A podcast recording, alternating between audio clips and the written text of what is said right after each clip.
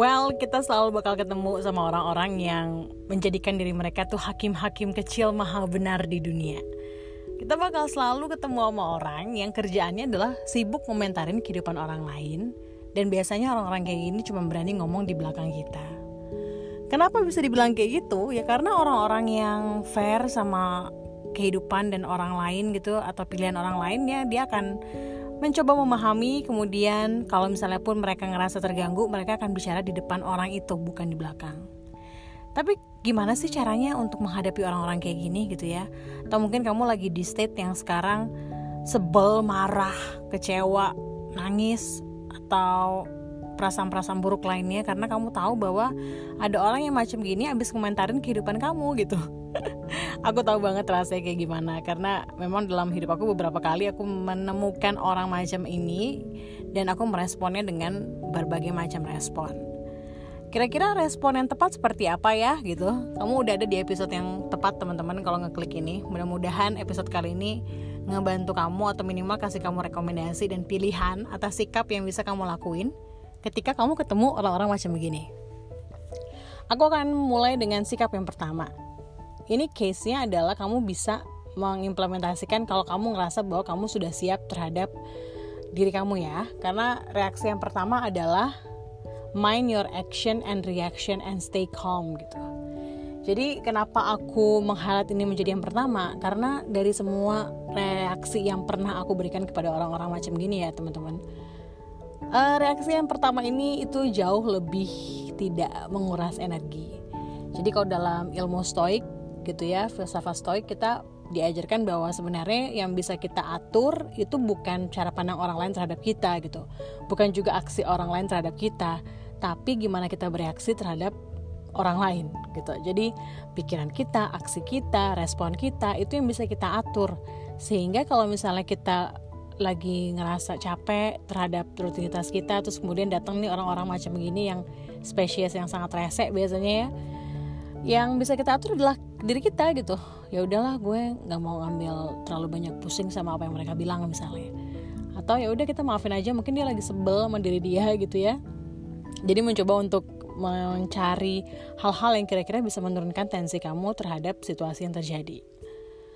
Dan ini for sure sebenarnya adalah opsi yang paling susah menurut aku karena respon normal manusia kan marah ya.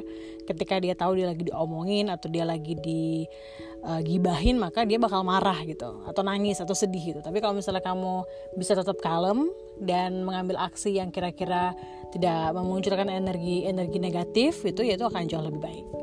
Opsi yang kedua gitu. Ini adalah opsi yang apa ya so-so sih menurut aku ya karena nggak terlalu kalem nggak terlalu juga ngegas gitu. Opsi yang kedua adalah ketika kamu bisa menegur dia dengan tetap sopan sembari memberikan alternatif solusi kepada yang bersangkutan. Jadi aku pernah punya pengalaman nih aku diomongin sama orang padahal kayaknya hubungannya baik-baik aja. Terus kemudian orang tersebut Eh, komentar-komentar tentang kehidupan aku tuh di status WhatsApp dia. Aku sih tipe orang yang nggak pernah terlalu memperhatikan status orang lain ya, kecuali dia adalah teman dekatku banget yang aku ngerasa bahwa aku perlu untuk menjaga dia ada tetap dekat dengan circleku gitu. Aku harus update kehidupan dia. Dan ada satu orang yang memberitahu aku gitu ya bahwa si orang ini tuh ngomongin aku di belakang aku tapi sayangnya orang ini tuh masang sampai di status story WhatsApp. Pada saat itu hmm, aku ngerasa bahwa ini orang nggak bisa dikalamin gitu jadi aku ngambil reaksi yang kedua ini aku langsung chat orang tersebut. Aku kemudian minta dia untuk mengkonfirmasi apakah betul dia melakukan hal itu.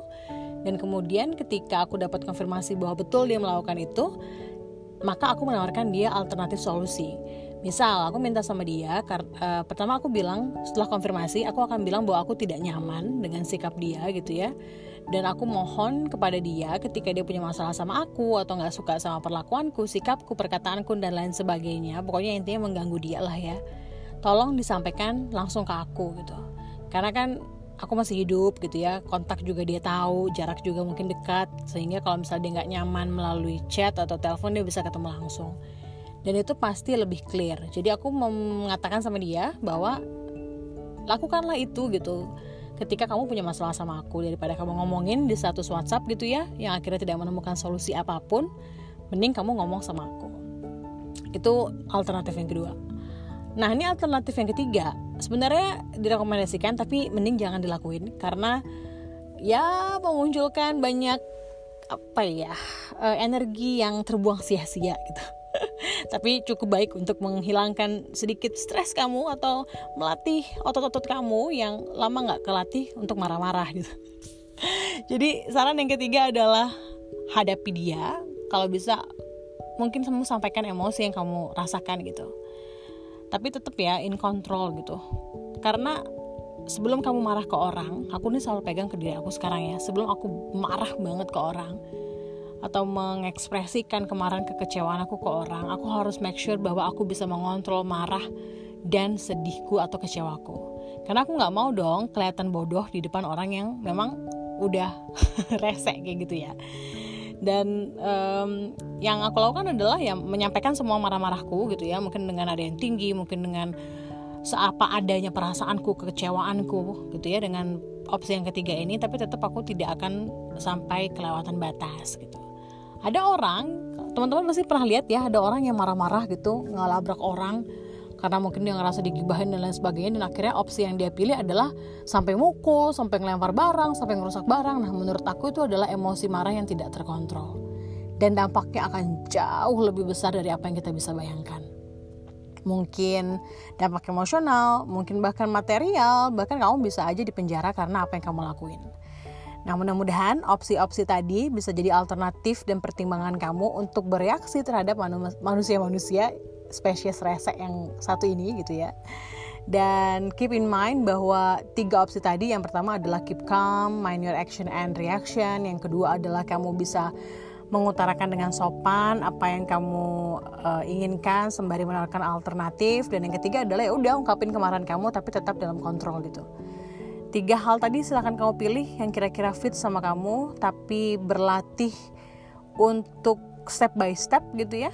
Dari poin nomor tiga sampai ke poin nomor satu akhirnya bisa itu butuh waktu dan itu sebuah proses. Dan apa pun yang sudah terjadi, misalnya kamu terlanjur melakukan hal yang ketiga dan kemudian akhirnya kamu jadi drain, jadi makin kacau, semeraut semuanya ya udah nggak apa-apa. Dijalani karena menurut saya itu kehidupan itu apa ya sebuah perjalanan yang kalau kita enjoy ngejalaninnya dengan semua pahit asam manis sepet gitu ya itu akan membawa kita pada sebuah kesadaran spiritual yang lebih tinggi dan mudah-mudahan kamu selalu diberkati kesehatan, kebahagiaan, dan kekuatan untuk apa pun yang lagi kamu hadapin sekarang. Terima kasih sudah ngeklik episode kali ini. Sampai jumpa lagi di episode berikutnya di podcast Anak Tangga.